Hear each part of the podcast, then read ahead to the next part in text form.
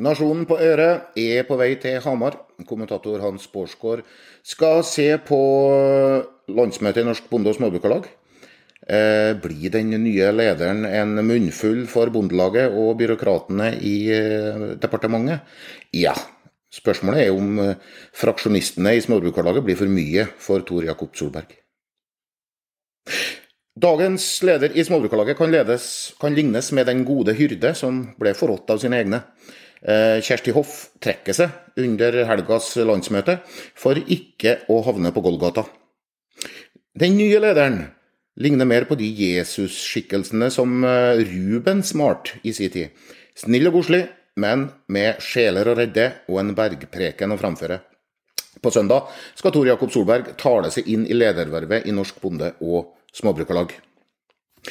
Det er vanskelig å finne folk i laget som eh, ikke tror at bondeopprøreren og kommunikatoren Solberg blir valgt. Eh, Sjøl finner jeg ingen som tror at han får det enkelt.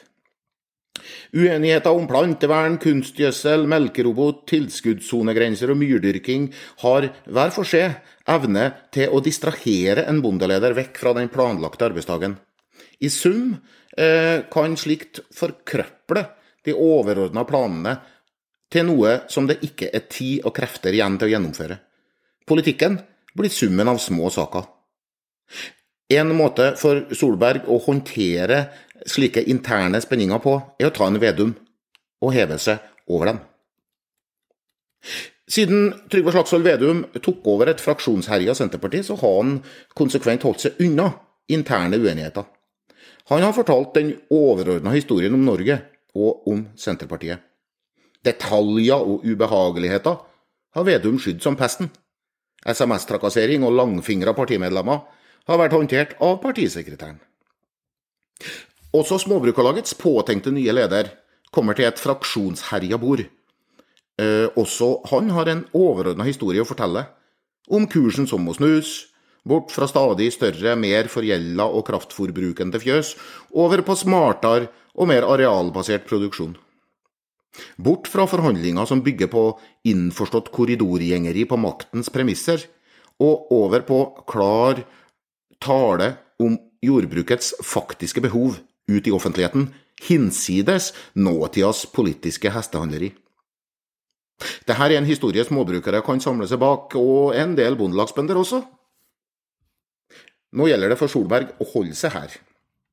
Foreløpig holder han seg unna sonekjekling og økokrangel. Solberg skriver til medlemmene i Småbrukarlaget at det er avgjørende å skille bøndenes arbeids- og kapitalinntekt, at alle produksjoner i alle størrelser og landsdeler må ha likest mulig inntektsmuligheter, og at staten, og ikke bøndene, må bære kostnaden med produksjonsregulering. Og ja, hvem kan være uenig? Blant de synspunktene Solberg må regne med intern diskusjon om, er at investeringsstøtten i større grad må brukes på jord og ikke på bygninger, og, hold dere fast, at kraftbordprisen må opp.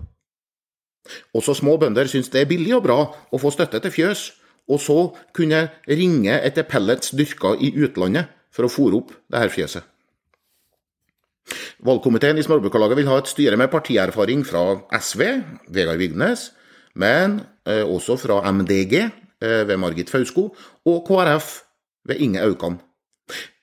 Dette reduserer risikoen for nye mageplask eh, som i fjor, da Småbrukarlaget anbefalte å stemme SV i stortingsvalget.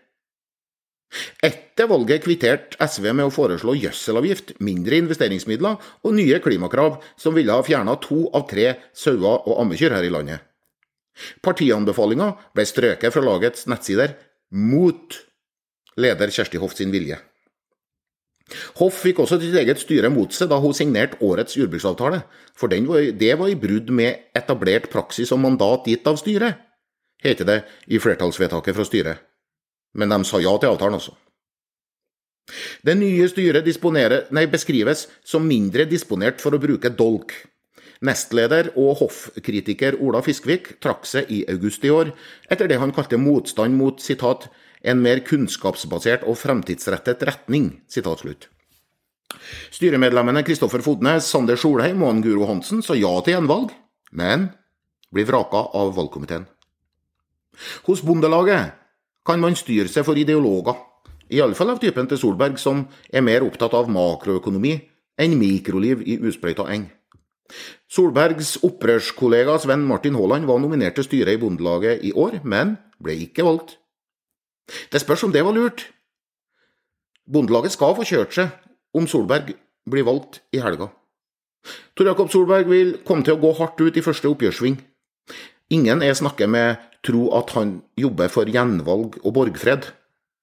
Solberg jobber for endring, fordi han har sett at det er mulig.